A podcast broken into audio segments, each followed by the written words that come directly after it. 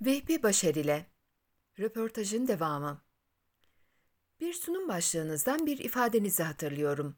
Ecnebi bilgi. Bu gelenek karşısında konumlandırılan modern duruma, modernlik durumunun enstrümanlarına, ecnebi bilgiye karşı üretilen korku ve kaygı tümden gereksiz bir kaygı mı? Hiçbir şekilde kaygılanmamalı mıyız? Tabii şöyle söyleyelim. Osmanlı dünyası, İslam dünyasının epeyce büyük bir yekününü oluşturuyordu. 18. ve 19. yüzyıl Osmanlı dünyasında giderek medresenin çöküşü, aslında bu medresenin çöküşü değil, Osmanlı düzeninin çöküşüyle medresenin çöküşü, bunun köklerini 16. yüzyıla kadar geri götürenler vardır. Yavuz'un Mısır'ı fethiyle oradaki gelenekçi El-Eser ulemasının Yavuz tarafından İstanbul'a getirilerek Osmanlı ilim hayatını teslim alması, resmen ele geçirmesi dönemine kadar geri götürenler vardır.''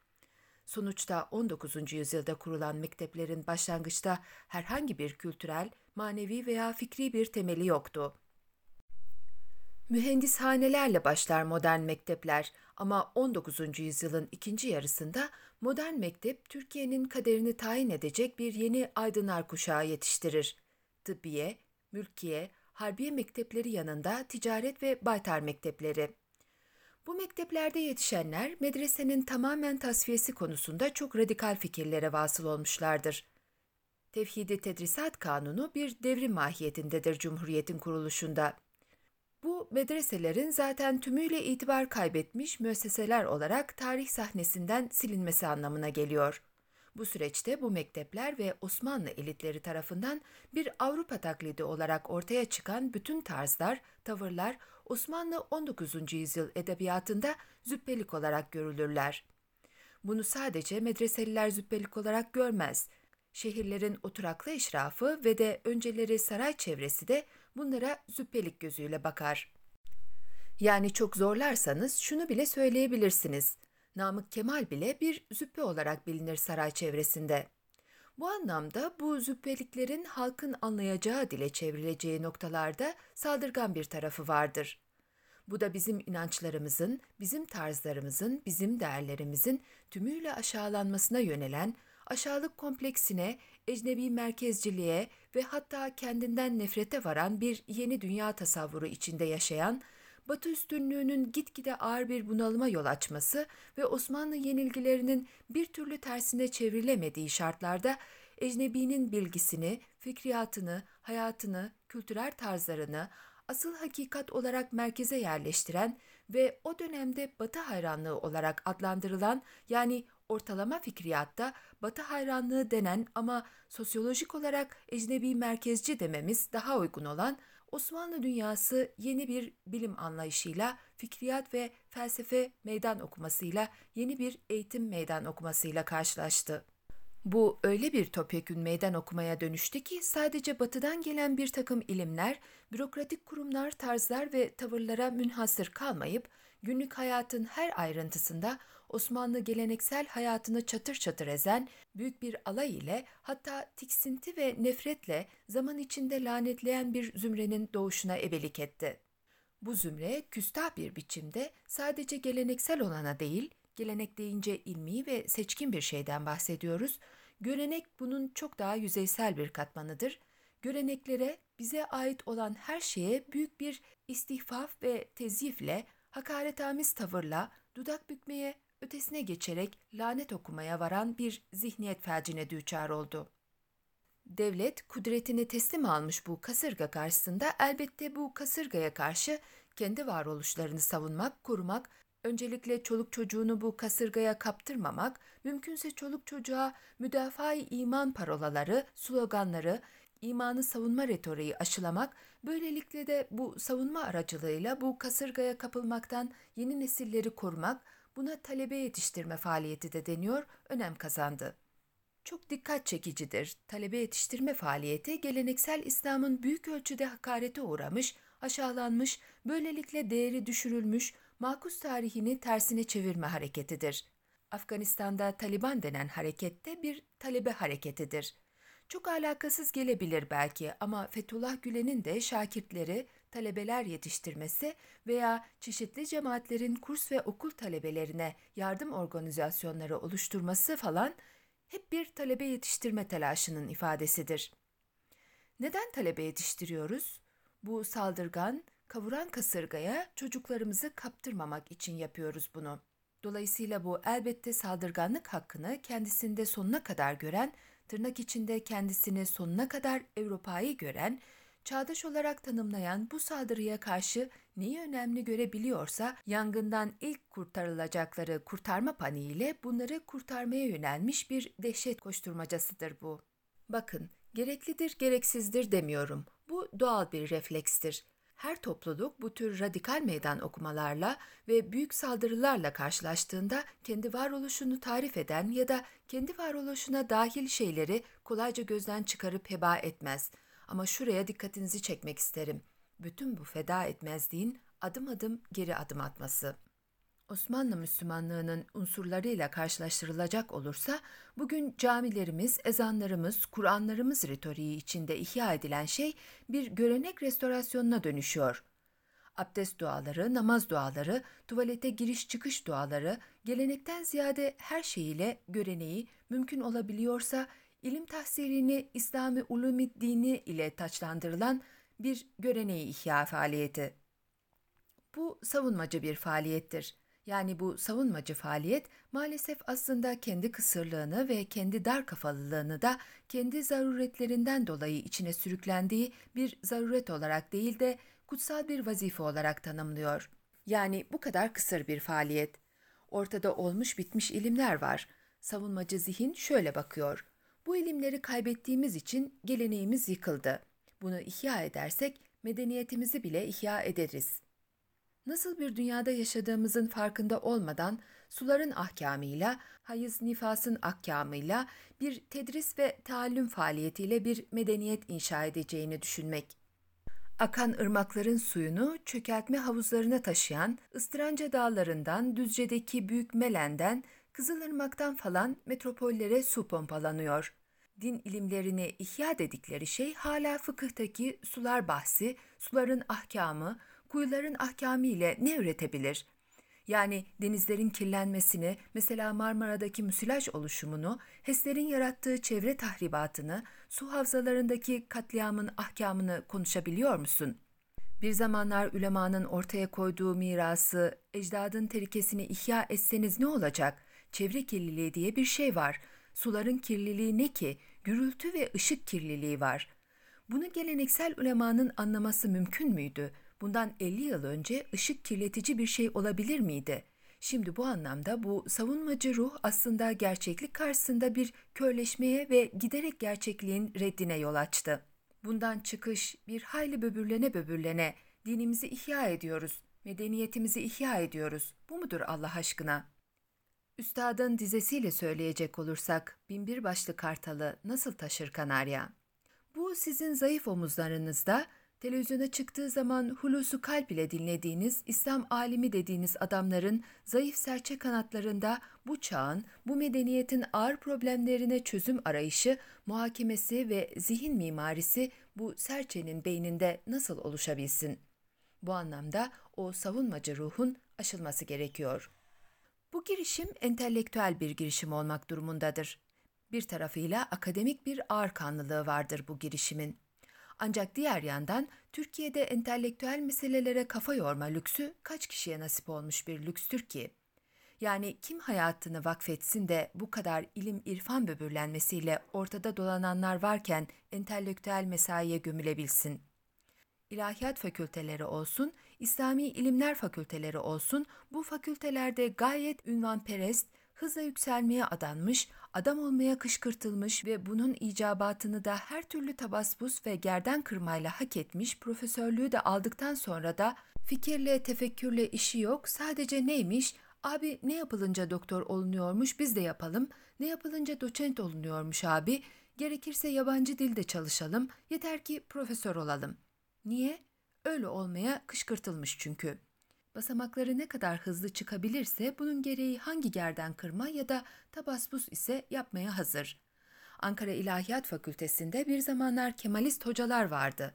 Mesela biri benim de ders aldığım İslam tarihçisi, laik ve kemalist Hüseyin Gazi Yurdaydın Hoca. Tarih metodolojisi diye bir doktora dersi alıyoruz. Üç kişiyiz. Hoca nereden aklına estiyse siz laik misiniz diye soru verdi derse başlarken. Buz gibi bir hava esti ortamda.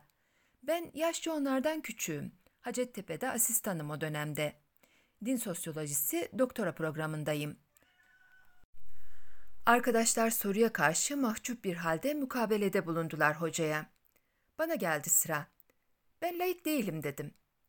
Arkadaşlarımın nasıl gerildiğini bugün gibi hatırlıyorum. Hoca niye dedi? Ben ruhban da değilim, layık da değilim. Laik diye Katolik Hristiyanlık içerisinde kiliseye mensup olmayan, manastır hayatı yaşamayan insanlara denir. Bunlar işte daha çok derebeyleri, ticaret erbabı falan gibi dünyevi işlere bulaşmış insanlardır. Papazlar haşa böyle şeylerle uğraşmadıkları için onlar has dinin gerçek temsilcileridir. Hoca dur dur biz onu kastetmiyoruz ki dedi. Evet de hocam dedim. Yani o kadar çarpılmış kavramlarla konuşmaya alışmışız ki Türkiye'de kendilerine layık diyenler var. Layık değilim deyince ne diyeceğim ruhbanım mı diyeceğim. Burası ruhban mektebi değil. Ben akademik faaliyet içerisinde bulunan biriyim. Ama şunu soruyorsanız açıklayayım. Ben Müslüman bir insanım. Kendimi layık olarak tanımlayamam. Layıklere saygısızlığımdan, düşmanlığımdan değil. Siz kendi tercihinizce layık olun. Ondan sonra dışarı çıkınca arkadaşlar beni azarladılar, çekiştirdiler. Ne yapıyorsun sen? Bırakır hoca dersten falan dediler. Şimdi bunu niye anlatıyorum?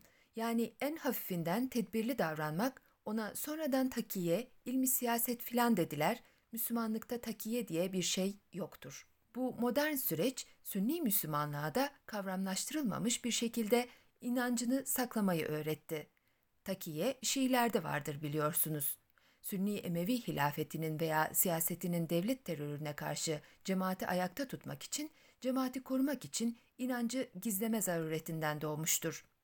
Şiilerde bu takiye olarak kavramlaştırılmıştır. Haricilerde kıtman diye bir kavram kullanırlar. Ketmetmek de gizlemek biliyorsunuz. İnancını gizlemek Sünnilerde modern çağla birlikte başladı. Arkadaşlardan gayet tasavvufi, tarikatçı insanlar bilirim. Bunlar bir tür inancı gizleme mahcupluğuyla profesör de olmuş insanlar yani. Fıkıhçı ise fıkıh biliyordur. Hadisçi ise hadis biliyordur. Soralım ne işe yarıyordur bunlar? Hangi krizin farkındasın sen? Gerçekliğin nabzını nerede duyuyorsun? Nerede tutuyorsun? Bu dünyanın krizini, bu yeni medeniyetin 19. yüzyılın medeniyeti değil, bu yeni medeniyet 1990'larda başlamış yeni medeniyetin krizini duyuyor musun? Bu yepyeni medeniyetin ağır krizleri altında insanlar can çekişiyor da senin ne umrunda? Bunun ne kadar farkındasın? Ne cevap getirebilirsin? Elhamdülillah Müslümana bir şey olmaz. Nasıl bir şey olmaz yahu? Çocuklar cep telefonundan bu krizin göbeğinde TikTok'larıyla neler yaşıyorlar neler. Yeni bir dünya doğuyor ve bu yeni dünyanın farkında değil insanlar. Müslümanlığın krizlerini de bilmiyorlar, medeniyetin krizlerini de bilmiyorlar. Oh ne güzel. Bir ulumu İslamiye tahsil etmişiz. Allah gönderiyor bir kucak çocuk. Biz de alıyoruz onlara ulumu İslamiye öğretiyoruz. Ne oluyor böyle? İmam Hatip'e gidip öğretmenlik yapıyorlar. Gönderiyorlar biz de onlara ilahiyat fakültelerinde daha yüksek eğitim veriyoruz. Sonra onlar gidiyorlar din adamı falan oluyorlar. Nereye de sığacağı belli değil, hepsi de olamıyor artık. Doldu taşlı memleket ilahiyat mezunlarıyla. Bu çok önemli bir cephe oluşturuyor. Buna dikkat çekmek isterim. Bu tarzda bir gelenekçi körleşmenin mevziinde işsiz güçsüz, öfkeli bir ilahiyat mezunları kitlesi yağıyor. Bu kitle ile de tek tük ilahiyat fakültelerinde veya dışarıda çağımızın krizleri ve Müslümanların bu çağdaki krizlerine kafa yoran adamlara dinimizi elimizden alacaklar bunlar diyerek fikir savunuyor değiller. Bu savunma değil, bir saldırı, saldırıyorlar. Yani kimliğimizi aşağılayan modernist eğitim tahriki altından çıkmış bir aşağılık kompleksi, bugün bir hükümranlık, üstünlük kompleksiyle hiçbir zaman isim vermek istemem ama bildiğimiz isimlere zındık, mülhit, kafir falan gibi damgalarla saldırıyorlar.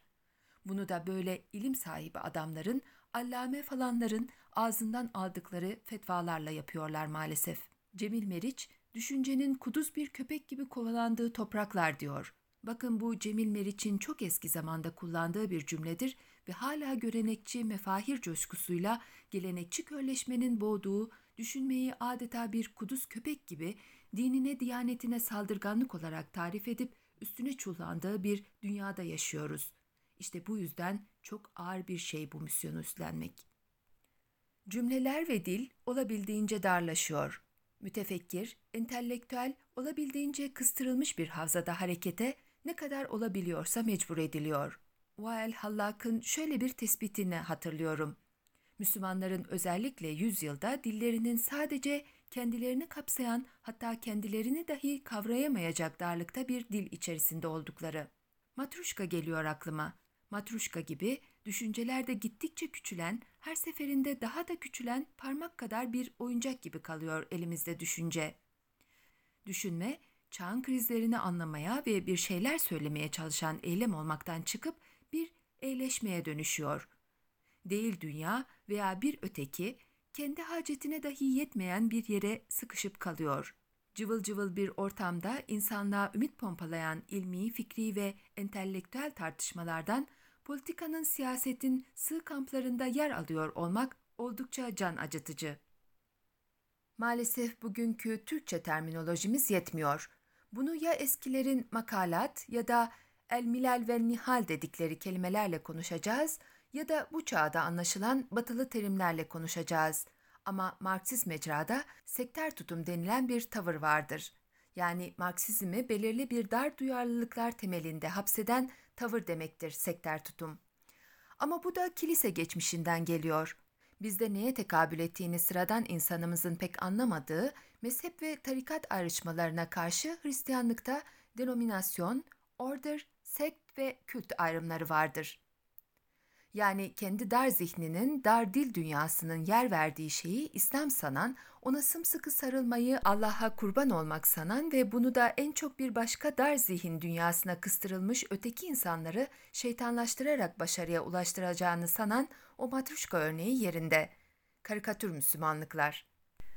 Hint görgüsünde bir sofrada misafir bol bol giyirmiyorsa yemeği beğenmedi sayılır. Bu sadece Hindulara mahsus değil.'' Hindi bir Müslüman da sürdürebilir bu göreneği. Bu yerel bir görenektir. Yerel göreneklere İslam denir mi efendim?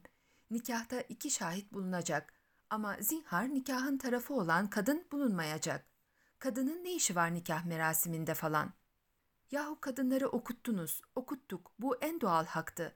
Şimdi siz kalkıp da bu kadına nasıl kendi nikah akdinde senin bulunman caiz değil dersin ve kadınları okutmak sanıldığı gibi Kemalist Cumhuriyet'in başarısı değildir. 1980'lerde bir ev kadınları devrimi yaşandı Türkiye'de ve kadınlar kızlarını bu kız okuyacak diye direterek babaların tehlike algılarında başörtüsüyle bertaraf etmek suretiyle oldu bu devrim. Burada dindarlık söz konusu değil, bir taşra namus anlayışının güvencesiydi başörtüsü çok yaygın olarak. Bir takım cemaatler, tarikatlar bunu bir manevi, dini içerik kazandırmaya çalışmış olabilirler. Nitekim 28 Şubat'ta başını açan, peruk kullanmayıp başını açan geniş bir başörtülü kesim oldu. Şimdi yine bir baş açma dalgası yayılıyor. Bu baş açma dalgası da öyle dinden çıkma falan değil. Bu dinin bu saldırgan, nobran, şeytanlaştırıcı temsilin dinle alakasının olmadığını, bir taşralılık olduğunu görerek adeta ben sizden değilim artık kardeşim veya ben bunlardan teberra ettim diyerek başını açan Müslüman mümin hanımlar biliyorum. Nasıl olur Müslüman mümin kadın başını nasıl açarmış sen ne diyorsun hoca diyebilirler. Ama gına getirdiniz. Deist olanlar varmış. Niye deist oluyor çocuklarınız anlayamazsınız tabii. Bu gerçeği reddederek gelenekçi körleşme ya da görenekçi bir taassuba mahkum etmeye kalktığınızda bu insanlar elinizden ıslak sabun gibi kayıp gidiyor ve sizin dar dünyanızın dışına çıkmak istiyorlar. Bunlar inançlarını terk etmiş değil, neye inanacaklarını da doğru dürüst bilmiyorlar. Bütün o eğitim çabasına, Kur'an, tefsir okutmalara, bilmem nelere rağmen kapak atıyor gençler. Bu maalesef hazindir.'' Gençleri hatta orta yaşlar arasındaki yaygınlaşan deizm veya başörtüsü açma sorununun içten sebeplerine değindiniz. Gayet yerinde tespitler. Gerekçelendirdiğiniz şekliyle deizm ve baş açma furyasının bilinçli bilinç düzeyi oturmuş, neye inanacağını bilmiyor olsa da neye itirazı olduğunun gayet farkında bir itiraz dalgası olduğu kanısı oluştu bende. Ama deizm pek de yatağını bulmuş bir itiraz değil. Konudan kopmak istemiyorum ama değindiğiniz için bu noktaya dair sorunu daha net ve birkaç boyutuyla anlamak açısından kısa bir açıklama istesem. Gençler veya orta yaşlılar arasındaki bu dalgayı büyüten başka hangi sebeplerden bahsedersiniz? Evet, mesele sadece zihniyet darlığı gibi ideolojik bir nedene dayanarak açıklanamaz tabii. AK Parti iktidarlarının yakaladığı iç ve dış konjonktür, ekonomide ve refah seviyesinde belirli ilerlemeler kat edilmesine yol açtı. Bundan daha önemlisi sosyal katmanların göreli refah artışından çok daha büyük bir refah talebinin ortaya çıkmasıdır. AK Parti'nin 2010'ların ilk yıllarına kadar sürdürdüğü refahı arttırma ve tabana yayma siyasetiyle zincirinden boşandırdığı bir yüksek refah talebi ve beklentisi o yıllardan bu yana gitgide daha düşük düzeylerde karşılanabilen bir talep ve beklenti oldu. 2010'ların ilk yıllarına kadar ivmesi artan bir orta sınıflaşma yaşanmış olması, 8 yıllık kesintisiz ve bilare 12 yıllık zorunlu eğitimle birlikte artan okullaşma ve eğitim düzeyinin gitgide yükselmesi, demografik göstergelerin dönüşümü yanında değer sisteminde de çok önemli bir dönüşüme yol açtı. Dünya Değerler Araştırmasında kullanılan değer setleri araştırmasını kullanacak olursak, toplumun alt sınıfları ile üst sınıfları göreli olarak materyalist değerlerini tatmini arayışına sürüklenirken, başlangıçtaki göreli demokratik ortamda ki bu ortam 15 Temmuz sonrasında yerini büyük ölçüde otoriterleşen bir siyaset ortamına bıraktı, orta sınıflar postmateryalist değerleri tanıyarak onların tatmini arayışına yöneliyordu insan onurunu, bireysel özgürlükleri, üçüncü kuşak haklarını öne çıkaran bu orta sınıf talepler, eski orta sınıflar kadar eğitim yoluyla toplumun orta sınıflarına katılan yeni orta sınıflar arasında da çok daha büyük bir kabul gördü. Muhafazakar yeni üst sınıflar, materyalist değerlerin üst düzey ama banal ve rüküş bir tatminiyle görenekçi dindarlığı yalapşap eklemlerken alt sınıflar sosyal yardımlarla tattıkları göreli dar refah artışıyla başka bir anlamda fakat yine de banal ve rüküş materyalist değerlere yönelir oldu. Alt ve üst sınıfların bu banal ve rüküş materyalizmleriyle gösterişçi ve giderek bağırgan görenekçi dindarlığı arasındaki uçurum, hayata yeni adım atan gençlerin ve tutarlık beklentisi yüksek yetişkinlerin bu parodiyi protesto ederek ayrışması ile sonuçlandı. Başka bir anlatımla dindarlık gösterişinin dökülen foyası altında sırıtan bu materyalistik değerlere dolu dizgin hücum özellikle alt ve üst sınıfların materyalizmleri altında post materyalist değer tatmini beklentileri tost olan orta sınıflarda ivmesi gitgide artan bir yabancılaşmaya ebelik etti. Yabancılaşmayı burada özel bir anlamda kullanıyorum. Hakim reel kültürü domine eden görenekçi dindarlığın çelişkilerle dolu hem kel hem fodul, hep mağdur ve hep alacaklı reel kültüründen kopma ve ayrışma anlamında bir yabancılaşma bu. Manevi değerleri yüceltme görüntüsünün altındaki bu görenekçi sahtekarlığın protestosundan doğan bu şeye deistlik, onun yaygınlaşmasına da deistleşme deniyor. Oysa mesele dini bir sonuç veriyor görünse de sosyal bir krizin doğurduğu bir tepkidir söz konusu olan. Bir önceki sorudan devam edelim.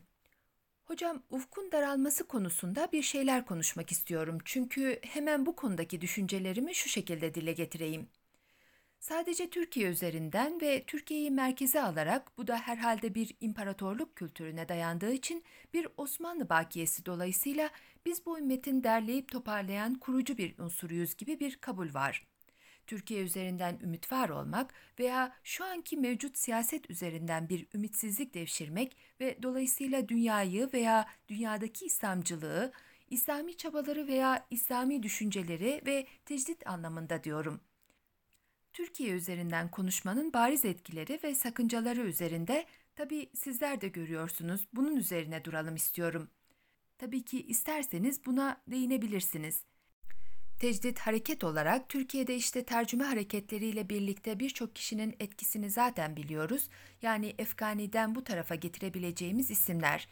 Türkiye'deki Kur'ancı, katıldığım için değil, hoşuma gitmeyen bir ifade olmasına rağmen meramımı ifade edebilmek için söylemin ve bu tecdidi hareketin tıkandığı nokta üzerinde biraz durmak istiyorum.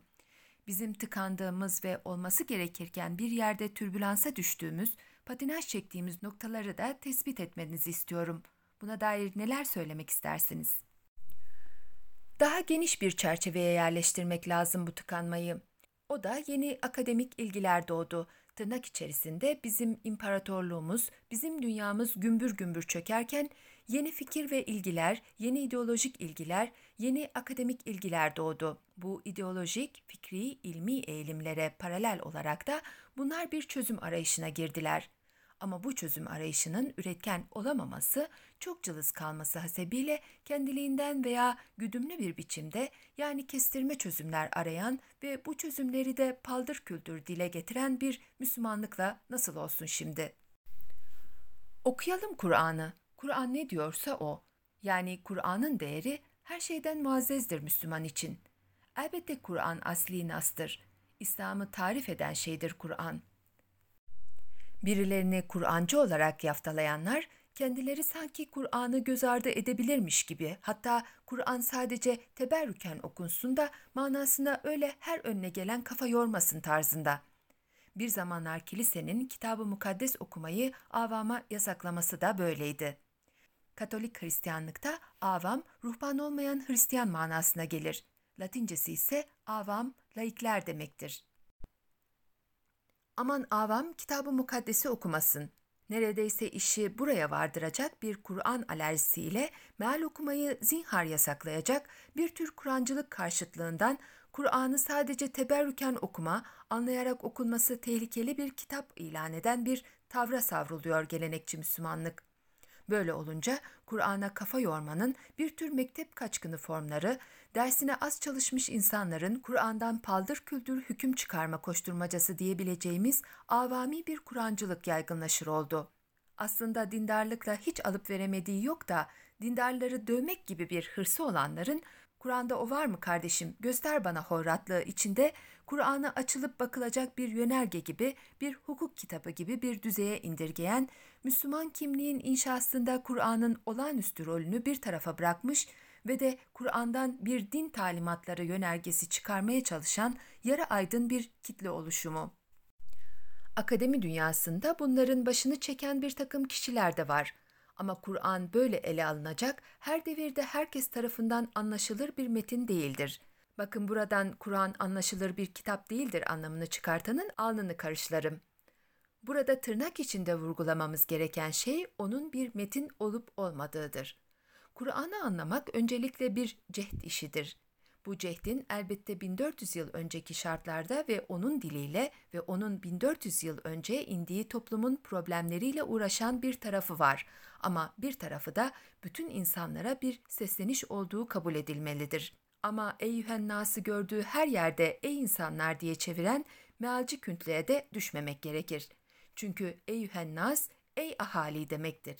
Bütün insanlık kıyamete kadar yaşayacak bütün insanlar falan değildir. Şimdi biz bu mecrada Türkiye'nin çok kısır kaldığını görüyoruz.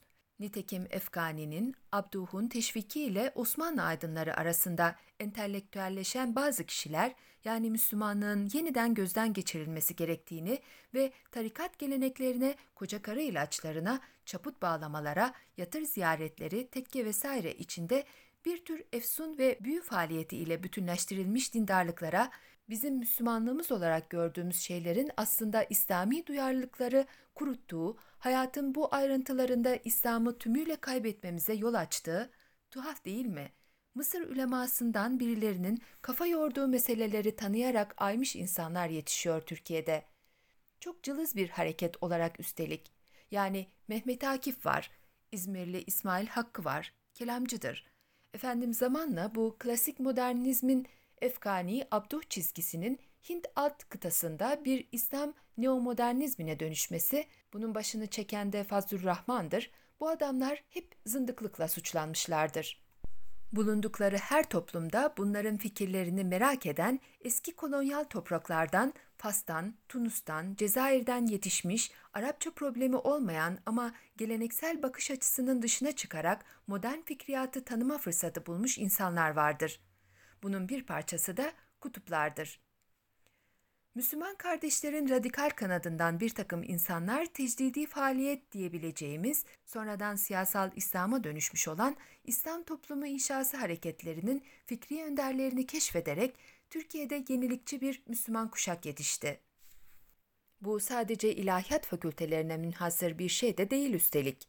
Çeşitli dini duyarlılıklar içerisindeki çevrelerde bu figürleri keşfeden hakikaten düşünme çabası içinde bir Müslüman tefekkür cehdi ve entelektüel birikimi oluşmaya başladı. Ama bu zayıf bir çığırdır. İslam dünyasındaki veludiyete bakılacak olursa, Müslüman dünyalar içerisinde oldukça zayıf bir harekettir Türkiye'deki.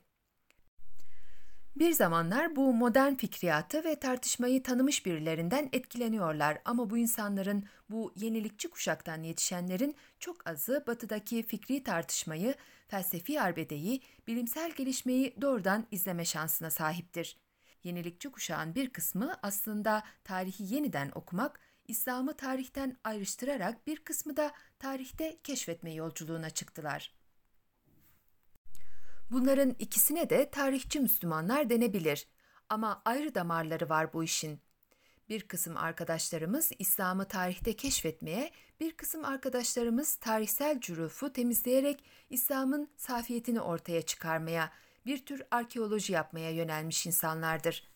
Tabi zamanla popüler gündemde tanınmaya başladıklarında bu arkadaşlar zındık damgası yemeye de başladılar geliştirmeye çalıştıkları tartışmalar nedeniyle böylesine hoyrat bir projektör tutularak tavşana çevrilmelerinden dolayı bu arkadaşlarımız biraz mahcup ve biraz apolojetik bir tavırla özür dileyerek bezgin modernistlere dönüştüler. Yani ilk söyledikleri sözler cesur sözlerdi, daha sonra gelenekçi bağnazlık ve geleneksel körlük tabiri caizse tükürdüklerini yalattı bunlara. Köşelerine çekilmiş arkadaşlarımız vardır. Bu tür bezginlik yüzünden tarihselci veya modernist apolojetikte ciddi bir fikri derinlik, entelektüel yoğunluk kazanamadı Türkiye Müslümanları arasında. Evet bu arkadaşlarımız Arap dünyasında Marksizmden etkilenmiş veya yapısalcılıktan etkilenmiş insanları tanıyorlar ama yapısalcılık nedir bilmiyorlar. Hakkında hiç bilgi sahibi olmadıkları anlamında değil, bu çığırların başka temsilcileri veya metodolojileri hakkında bir sosyal bilim vukufuna sahip değiller. Başka bir örnekte Türkiye'de Izutsu adında bir Japon-Arap dil felsefesi üstadının birkaç kitabı çevrildi. Bu üstad aynı zamanda semantikçidir. Toshihiko Izutsu'yu biliyorlar ama semantik nedir? Biraz önce söylediğim anlamda onu bilmiyor bu insanlar eski sömürgelerde yetişmiş bir takım beyinler Batı fikriyatını, batılı akımları, eğilimleri derinlemesine tanıyarak İslam'ın hizmetine sunup Müslümanların problemlerini çözmek için kullanmaya yöneliyorlar. İşte kimi Marksist metodolojiyle, kimi hermenötikle, kimi yapısalcılıkla bir ufuk açmaya çalışıyorlar. Biz bu ufukları yani Cabiri'yi, Hasan Hanefi'yi vesaire söz konusu olduğunda yapısalcı dil bilim meseleleri bir metodoloji olarak karşımıza çıkıyor. Hasan Hanefi deyince sadece Marksizm değil, ana damar olarak Marksist antropoloji bir metodolojik damar olarak karşımıza çıkıyor. Şöyle toparlayalım. Türkiye'de 19. ve 20. yüzyılda batıda neyin doğduğu kökenleri 18. yüzyılda 17. yüzyıllara geri gidiyor ve bunlar biliniyor belki ama 19. 20. yüzyılda batıda neyin doğduğunu ve nasıl bir fikri, ilmi, felsefi çığırlar içinde ortaya çıktığını kavrayacak bir vukufla İslami ilimlerle uğraşmıyorlar. Yani dar bir İslam söylemi oluşturmaya çalışıyor bu yenilikçi arkadaşlarımız. Emekleri gerçekten şükrana layıktır ama yetmez. Yani bu arkadaşlarımızın söz konusu apolojetikten kurtulması için de bir zemin temizliği gerekiyor Türkiye'de.'' Ama bu zemin temizliğinin bugün yapılabileceğini umamıyoruz. Fikri, ilmi ve felsefi cehdi teşvik edecek ve hak ettiği mevkiye yerleştirerek ona saygınlık atfedecek, itibar kazandıracak bir zemine ihtiyaç var. Ama maalesef bu üniversitelerin sefaleti içerisinde mümkün değil. Siyasi vasatın bu suskunluk dünyasında da mümkün değil. Böyle olunca Türkiye zaten bir suskunluğun karanlığına gömülüyor. Yani yenilikçiler nasıl konuşuyor? Kim neyi konuşabiliyor ki valla? Döveriz diyor herkes. Yani kılıç çekmiş bekliyor. Aslında anlamadıkları entelektüel bir cehdi kalın kafalılıkla zındıklık olarak damgalayan geniş bir aforoz coşkusu yaratıyorlar. Bugün siyasette Yunan dilinde mobokrasi denen Aristo'nun kullandığı bir kavramdır ya da Roma çağında Latince oklokrasi olarak karşılanan bozulmuş, tefessüh etmiş demokrasinin bir türü burada da karşımıza çıkıyor. Yani avam kitlelerin bir güruh coşkusuyla toplumun geri kalan kısmını suskunluğa gömdüğü, baskı ve tahkim altına aldığı ve bunun da bir takım demagogların siyasi hükümranlığa hizmet ettiği tefessüh etmiş bir sözde demokrasi. Dolayısıyla fikri çölleşmemizin arkasında bunların hepsi rol oynuyor. Bir takım arkadaşlarımız rahat bir nefes alabilmek için Türkiye dışında çözümler arıyorlar haliyle. Kendi fikri ferahlamaları açısından bulabilenler gidiyorlar. Türkiye böylelikle beyinlerini kaybediyor. Ama zaten böyle beyinlere ihtiyacı olan bir ülke miyiz ya da bu ihtiyacın ne kadar farkında bir toplumuz orası da ayrı bir konu. Bu kadar da bıçkın bir konuşmanın belki anlamı yoktu ama bir kısım arkadaşlarımız böyle heyecanlı bir üslupta konuşmayı seçmiş olabilirler. Bu kadar affedilmez bir günah değil heyecanlı konuşmak ama öküz altında buzağı arayanlar affetmiyor ve bu insanları ülkeden kaçırmayı büyük bir marifet sanan büyük bir nobran güruh gitgide daha hakim hale geliyor Türkiye'de. Türkiye Müslüman zihnin yeniden yenilikçi bir ivme kazanması, varlık göstermesi için bu zeminin bu işi ödüllendiren bir zemine dönüşmesi gerekiyor. Bu aslında topyekün bir dönüşümü gerektiriyor. Maalesef üniversitelerimizin entelektüel hayatı son derece kısır. Bu kurumlar çocuk okutma teşkilatına dönüşmüş durumda. Çocuk okutma nedir yani?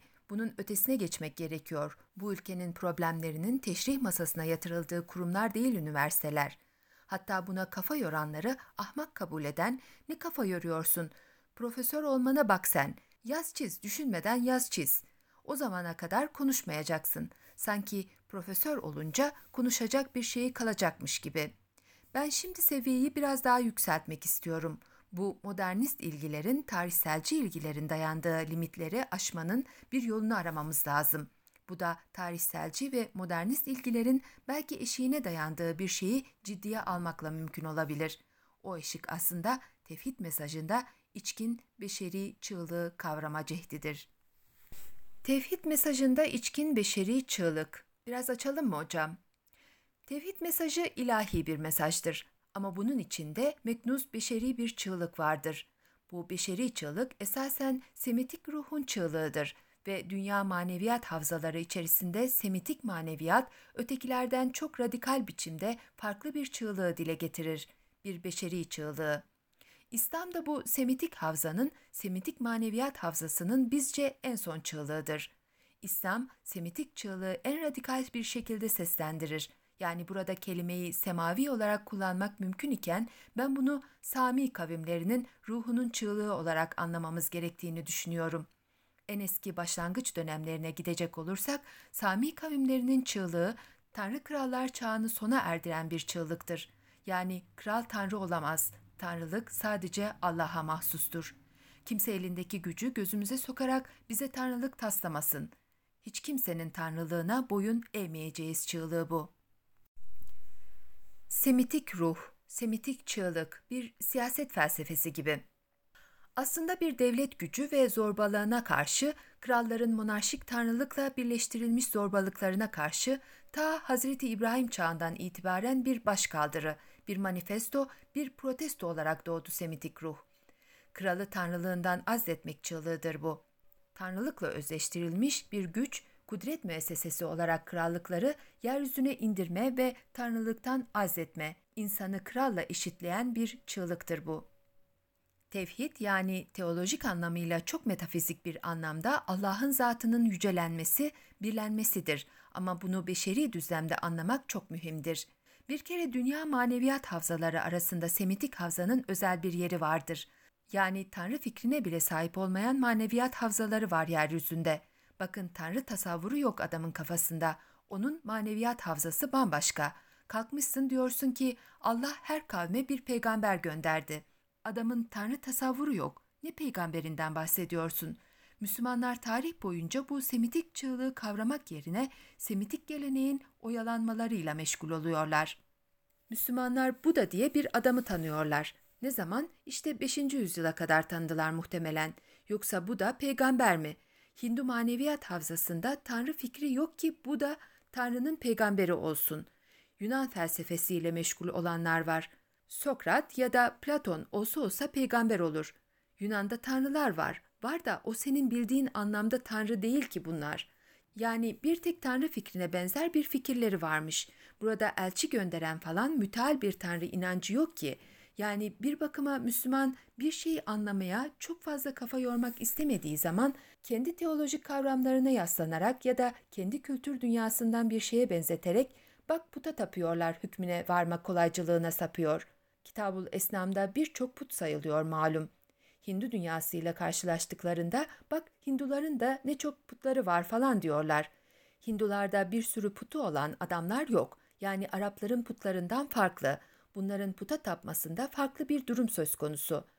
Öte yandan Hint maneviyat havzasında yaratan tanrı tasavvuru bile yok. Allah inancı semitik bir tasavvurdur.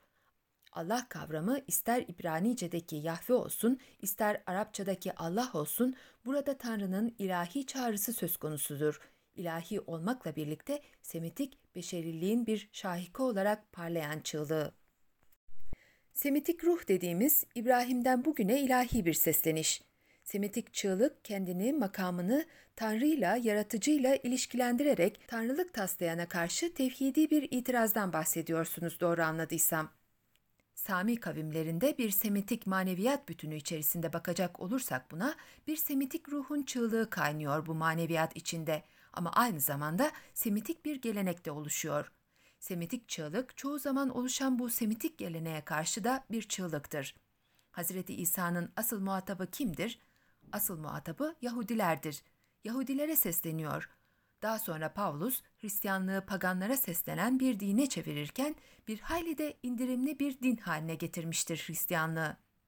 Pavlus'a kadar Yahudi Hristiyanlığı denen ve Yahudi geleneklerine göre sünnet olup domuz eti yemeyen, sept gününü gözeten bir cemaat idi Hristiyanlar. Aslında Hristiyan değil, buna müminler topluluğu, havariler, Hazreti İsa'nın tebliğini izleyenler demek daha doğrudur. Bir sürü Yahudi peygamberi geldi geçti. Bunlar Tanrı Krallar çağını söndürecek olan bir çığlık yükseltirken öbür taraftan da bu Tanrı Krallar dünyasının ruhbanlarına benzemiş Semitik maneviyat içerisinde kadim kültürün ruhbanları gibi bir gelenek oluşturarak yeni zulüm dünyasının payandası olmuş ve yeni zulüm dünyasının manevi sorumlusu olmuş din adamlarına ağız dolusu aşağılamalarla konuşur. Her Semitik peygamber Semitik geleneğe karşı bu çığlığın yeni bir yankısı olarak aynı tevhid mesajını seslendirmiştir. Biz İslam'ı Semitik gelenek içerisindeki yerine yerleştirmeden hakkıyla takdir de edemeyiz, hakkıyla kavrayamayız da. Yahudi ve Hristiyan teolojisi veya teolojileri Semitik geleneklerdir. Semitik ruhun çığlığı her üç tevhid çağrısında da bir şahika olarak parlamışken Müslümanlar zaman zaman bu geleneklere kısmi bir taraflarına atıfta bulunmakla çok olsa İslam'a İsrailiyattan ne geçmiş, Hristiyanlıktan ne geçmiş sadedinde marjinal ilgilerle yaklaştılar. Bunu yaparken de çoğunlukla modern batının İslam'ı doğuya yerleştirmesine haklı çıkaracak surette doğulu bir tavır içinde yaptılar.'' Halbuki biraz dikkatle bakılacak olursa modernlik denen şeyin bir taraftan Yunan, Roma, öbür taraftan da Yahudi, Hristiyan köklere dayandığı söylenir, değil mi?'' Dinler sınıflamasında bu biraz önce yaptığım maneviyat havzaları ayrımı kapsamında ki ayrıntılarını konuşamadık ama mesela bir Hint maneviyat havzası veya bir Aztek Amerika maneviyat havzası gibi havzaları ayrıştırdığımızda Semitik maneviyat havzasının kendine özgü karakteristiklerini kavramak büyük bir öneme haizdir. Belki Abbasiler çağının Müslümanları henüz kadim medeniyetlerle İslam arasındaki sentezlerin yeni başladığı aşamada bunun daha fazla farkındaydılar. Ama bugün Müslümanlar İslam'ı Mekke'den başlatıyorlar. Hani İbrahimi dinler, hani babamız İbrahim'in diniydi bu? İbrahim Müslümandı demek kolay.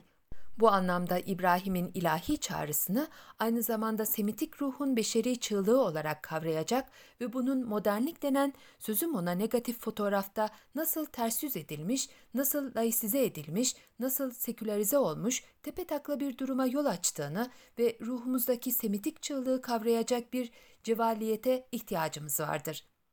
İyi de biz Türküz, Sami kavmi değiliz ki diye bir itiraz gelebilir.'' Şimdi bu Hristiyanlığın ve İslam'ın yayılışıyla aslına bakarsanız soyca Sami kavimlerden olmayan pek çok halk, millet veya kabile Semitik maneviyat tarafından dönüştürüldü. Bu çift yönlü bir dönüşüm sürecidir aslında. Bir yandan Semitik olmayan bu halklar ve kavimler kendi maneviyatları yerine hüküm ferma olan Semitik maneviyat çatısı altında yer alırken öbür yanda da bu çatı altındaki maneviyata Semitik olmayan kendi maneviyatlarının unsurlarını taşıyarak onu dönüştürmüş ve hatta tanınmaz hale getirmiş oldular. Semitik maneviyat İran dünyasında bir Sasani restorasyonu kılığına büründü ve mesela Zerdüşlükten çok etkilendi İran Müslümanlığı. Bu kadarla kaldı mı peki? Aynı zamanda Hint mistisizmleriyle, İskenderiye mistisizmleriyle, Mezopotamya mistisizmleriyle ve kadim dinlerle yeniden bir reforma tabi tutulmuştur Müslüman maneviyatı. İlk reformlara değinmiştim. Emevilerin devlet ideolojisi resmi ideoloji olarak tebliğ ettiği Müslümanlığın, peygamberin tebliğ ettiği İslam'la hiç alakası yoktu. Buna karşı Semitik çığlığı yeniden seslendirmek maalesef Bedevilere kalmıştır o dönemde. Maalesef diyorum çünkü onlar da şehirlere doluşmuş bedeviler idi. Emsar şehirlerinde gerçekten hayatları zindan olmuş insanlar idiler ve bir Semitik çığlık olarak ve bu resmi İslam'a karşı bir direniş İslam'ı söylemi oluşturdular. Bunlar hepsi dinde gerçekleşmiş reformlardır. Biz hiç dinde reform olmamış da ilk defa reformu modernistler yapıyor sanan bir cehalete tosluyoruz bu ülkede. Üçüncü reform, Abbasiler çağında başlayan ve İslam egemenliği altında yaşayan kadim medeniyetler ahalilerinin kendilerini İslam'a karşı savunmak yerine İslam içine taşımak gibi bir cehdin de ürünü olmak üzere Mesela Mezopotamya'da Yunan felsefesinin temsilcisi olanlar, Hristiyanlığın çeşitli kollarına mensup olanlar, hatta Endülüs'te Yahudilerin bir kısmı kendilerini İslam içinde ifade etmek zorunda kaldılar.'' Buna ilaveten İslam, İslam içinde daha önce ortaya çıkmış olan topyekün yorum mecralarının ilimler haline getirildiği, ulumi İslamiye disiplinleri haline dönüştürüldüğü bir medeniyet oluşumu içerisinde bir kez daha reforme edilmiştir. Ben ilahiyat öğrencisiyken sanıyordum ki tefsir ayrı bir ilimdir, hadis ayrı bir ilimdir. Daha sonra bakıyorsun müfessirlerin ayrı bir fıkı, hadisçilerin ayrı bir tefsir anlayışı, müfessirlerin farklı kelami görüşleri var. Bunlar aslında rakip İslam yorum mecraları olarak bir medeniyet oluşumu sürecinde İslam disiplinlerine dönüştürülerek uzlaştırılmış, bu suretle Müslüman entelektüel mirası bir kez daha reforme edilmiş oluyordu. Çok tipik bir örnek vereyim. Sünnet konusunda duyarlı olan arkadaşlarımız Buhari'yi dilinden düşürmez değil mi?'' Bunlar aynı zamanda ehli sünnet ve cemaat konusunda da kalın kırmızı çizgilere sahiptirler. Buhari, ehli sünnet ve cemaat akidesinin en ikonik bilginlerindendir değil mi? Peki şöyle soralım. Ehli sünnet ve cemaat akidesine göre iman artan ya da azalan bir şey midir? Hayır. Peki İmam Buhari'nin Kitabul İman bahsinde naklettiği bir hadiste peygamber iman artan ya da azalan bir şeydir der mi? Der. Ne oldu şimdi? Bu mesela çok cali bir dikkat bir meseledir. Bugün büyük bilgin kabul edilen insanların Ebu Hanife gibi, Buhari gibi ilim ehlinin buna benzer ehli sünnet ve cemaat açısından tuhaf görüşlere bu akide ile hiç uzlaşmayan görüşlere sahip olduğunu görürüz. Peki bugüne gelecek olursak İslam ilimlerini ihya etme çabası içinde kendi tarihimizin ve geleneğimizin dar kalıpları içine kendimizi mahkum ederek bugün türlü krizler altında kıvranan insanlığa ne söyleyebiliriz? Yani ilahi çağrının bir beşeri çığlık olarak bizim sadrımızdan taşması artık mümkün değil midir? Bunu sorarken herhangi bir Müslüman olarak soruyorum. Bu ne akademik bir misyondur ne de entelektüel bir çabadır.'' Evet, artık mümkün görülmese de bunun bir imkanı yine de vardır. İslami Semitik maneviyat havzasının en tavizsiz bir ilahi mesajı ve dini çağrısı ve aynı zamanda Semitik ruhun en yalın çığlığı olarak yeniden anlamak ve bu mecra içine yerleştirerek onu hak ettiği beşeri, tarihsel ve ilahi çerçeve içinde anlamak gerekir. Halbuki Müslümanlar İslam sevicilikle ilahi mesajı anlayabileceklerini sanıyorlar. İslam'ı Semitik maneviyat havzasına ve Semitik ruhun çığlığı mecrasına yeniden oturtmak gerekir. Bu aynı zamanda ilahi mesajı da daha doğru kavramanın ve insanlığa bir ilahi mesaj ve bir beşeri çığlık olarak iletilebilecek duyarlılıkların tazelenmesi anlamına gelir. Bu bizim kireçlenmiş tefekkürümüzün bu kireçlenmeden kurtarılması, müflüç zihinlerimizin yeniden cevvaliyet kazanması kendi tarihimiz olarak sahiplendiğimiz İslam tarihinin Hazreti İbrahim'den beri süre gelmekte olan öteki evrelerinin doğru dürüst anlaşılarak Hazreti Muhammed ile bunun nasıl bir şahikaya tırmandığını ötekilerin içinde görmek çok önemli. Bakın siz diyorsunuz ki Müslümanların sorunlarını nasıl çözeceğiz? Müslüman iseniz bütün insanların sorunlarını çözecek çığlığı, haykırışı yüreğinizde hissetmiş olmanız gerekir.'' Çünkü maneviyat havzalarını bölen, ayıran duvarlar yıkılmıştır. Küresel dünyada bütün insanlara seslenmenin bir imkanı da doğmuştur. Ama o sesi ruhunda işitecek, o çığlığı hançeresinden haykıracak insanlar nerede? Şimdi çok ciddi entelektüel bir şey söylüyorum. Bu Sami dinlerinin büyük peygamberleri neden babasız büyümüşler? Yani bunun Semitik ruhun çığlığında, beşeri ruhun çığlığında bir rolü var mı acaba?'' Bu sorunun cevabı aynı zamanda arkeolojik, antropolojik, sosyolojik ve gerçek anlamda tarihsel bir cehdi gerektiriyor. İslam tarihi deyince bu İslam tarihi niye İbrahim'den başlamaz? Eski peygamberler için tarihi kitaplar vardır. Tamam işte, o yazılmıştır, yetmez. Siz bugün İslam tarihini yeniden yazıyorsunuz. Neden bu peygamberlerin tarihi yeniden yazılmaz?'' Ve neden bütün bu silsilenin asli doğrultusunu tarihsel gerçekliğiyle açığa çıkartmak için Müslümanların cehdi yoktur. Üstelik sadece kısası enbiya mantığı çerçevesinde bir tarih yazmaktan da bahsetmiyoruz. Asıl olan Semitik maneviyatın yol alışlarını kavrayabilmek, Semitik geleneğin Semitik ruh ile içine düştüğü ziddiyeti ve ilahi mesaj ve Semitik çığlığın bu ziddiyetin aşılmasında nasıl bir sesleniş olduğunu belirginleştirecek bir cehd ve ciddiyete ihtiyaç vardır. Kur'an'da tam da İbrahim'in, İsmail'in, İshak'ın diye bu isimleri ısrarla birbirine bağlarken bunları ayırmak da neyin nesi?'' Biz böyle Musevi, İsevi nitelemelerine paralel bir Muhammediliğe indirgeyerek İslam'ı bize ait bir din kalıbına sokma çabasının ürünleriyiz. Böylelikle kendilerine Musevi diyenlerin İslam'dan nasıl uzaklaştığını, İsevi diyenlerin yani peygamberlerinin yolu olarak Allah'ın mesajını kavrayanların bir örneği olarak bir ehli kitap toplumu olmaya rıza göstermiş oluyoruz. Siz de bir ehli kitap toplumu olmuş oluyorsunuz.'' Bu anlamda bizim yani bütün bu yeni imkanları, metodolojileri yani problematikleri ve gerekse bu krizler içerisinde Müslümanların krizlerini kavrayabilmek için bütün bunları ciddiye almamız gerekir.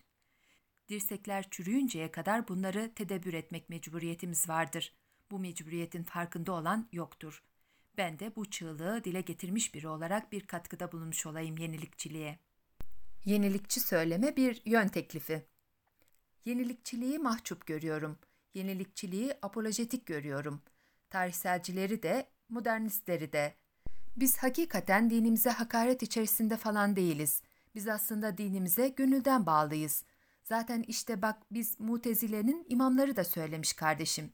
İslam ulemasının çok değerli mensuplarından kimin bunları ortaya koyduğunu, ilk defa kimlerin bunu seslendirdiğini anlatmaya çalışıyorlar. Bu bir apolojetiktir. İlmi bir çalışmada yapılan atıftan ziyade tarihteki alim ve görüşlere atıf yapan apolojetik tavra itiraz ediyorsunuz. Bu üsluba itiliyorlar da denilebilir. Yani böyle bir üslupta dile getirilmek zorunda kalınıyor.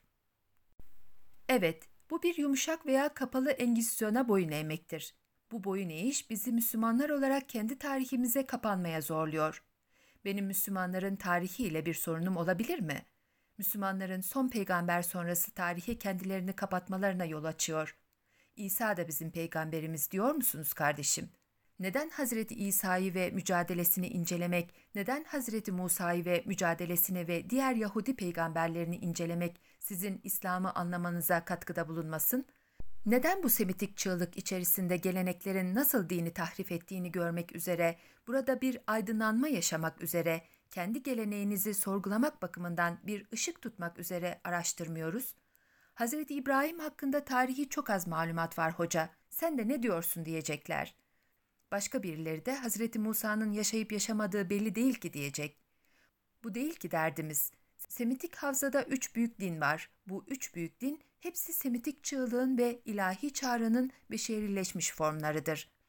Bakın bu din beşerileşmiş bir şeydir diyoruz. Buna gelenekler diyoruz. Bunlar kendileri ilahi değildir. Müslümanların gelenekleri de ilahi değildir. Gelenek dediğimiz şey insana aittir. Sünnet insana aittir. Sadece vahiy Allah'a aittir ve sünnetlerin nasıl olup da tefessüh ettiğini, bizimkinin de onlar kadar tefessüh edip etmediğini nereden anlayacağız? Bu ancak onunla karşılaşmak, onunla karşılaştırma yapmakla mümkündür. Ve eğer Müslümanların bir sözü olacaksa bu Hazreti Musa'nın Yahudilere söylediği söz, Hazreti İsa'nın Yahudilere söylediği söz kadar bir sözdür Hazreti Muhammed'in Araplara söylediği söz. Ve eğer burada bize Hazreti Muhammed yeter diyorsanız işte böyle debelenip durursunuz Muhammedanizm içerisinde. Sonra da batılı müsteşriklerin buna Muhammedanizm dediklerinde mahcup anti-oryantalizminizi İslam ilmi sanmak zorunda kalırsınız.'' Tevhidi Semitik ruh, Semitik gelenek, Semitik çığlık diyorsunuz. Bunlar çarpıcı ifadeler. Bir yandan da üç büyük din diyorsunuz. Dinlerin aşkın birliği tezini akla getiriyor. Bir benzerlik buluyor musunuz? Ayrıştığınız nokta nedir? Dinlerin aşkın birliği doktrini Semitik din kavramının tüm maneviyat havzalarına genellenmesiyle o maneviyatların da din olarak kavramlaştırıldığı oryantalist bakış açısına dayanır. Hindu maneviyatı veya Budist maneviyatı din değildir. Tao veya Shinto maneviyatları da. Aztek ve İnka maneviyatları da din olarak görülemez. Bu büyük geleneklerin yanında irili ufaklı kabile hayatı yaşayan toplulukların maneviyatı, bunlardan daha büyükçe halkların ve kavimlerin maneviyatları da. Böyle olduğu halde bunları din yerine koymak ve onların aşkın birliğinden söz etmek olacak iş midir?'' Maneviyat havzalarının özgül karakteristiklerini kavramaya yönelmek yerine bunların aşkın birliğinden söz etmek, bütün maneviyatların ilahi ortak paydalarını onların geleneklerinden keşfe kalkmak nasıl bir opaklığa teslim olmaktır? Dinlerin aşkın birliği doktrini, modernliğin büyük meydan okuması içinde radikal bir reddiye niteliği taşıyan materyalizm ve ateizm karşısında ve dini gelenekler arasındaki bitmek tükenmek bilmez çatışmalar karşısında ama daha çok 19. ve 20. yüzyıllarla sınırlı karşı modernist bir duyarlılığın ürünüydü sözünü etmeye çalıştığım Semitik maneviyat, Semitik gelenek, Semitik ruh ve çığlık sadece Semitik maneviyat havzasına münhasır dinleri kapsayan bir tecessüsü dile getiriyor. Bunlar aynı zamanda batıya ait büyük dinlerdir. Bu tecessüs dini veya teolojik ilgileri askıya alarak yani bunun yanında doktriner ya da dogmatik ilgilerin lafı bile olmaz, antropolojik ve tarihi hususiyetleri ilahi olanın beşeri zeminde büründüğü diyalektik dönüşümü, kazandığı birbiriyle gerilimli formları, Semitik geleneğin modernlik karşısında uğradığı yenilgiye rağmen seküler bir Semitik maneviyat olarak barındırdığı patolojileri derin bir tefekkür meselesi olarak ele alma cehdine davet eder.'' Bu Semitik maneviyatın yenilgi ve krizlerini yeniden kavramak üzere Semitik geleneğin antropolojik bir dekonstrüksiyona tabi tutulmasına bir zırh niteliğindeki geleneksel kabuğun adeta ölüme terk ettiği Semitik çığlığın yeniden açığa çıkarılarak beşeri patolojilerinden arınmamıza bir davettir. Bu güzel söyleşiden dolayı teşekkürler.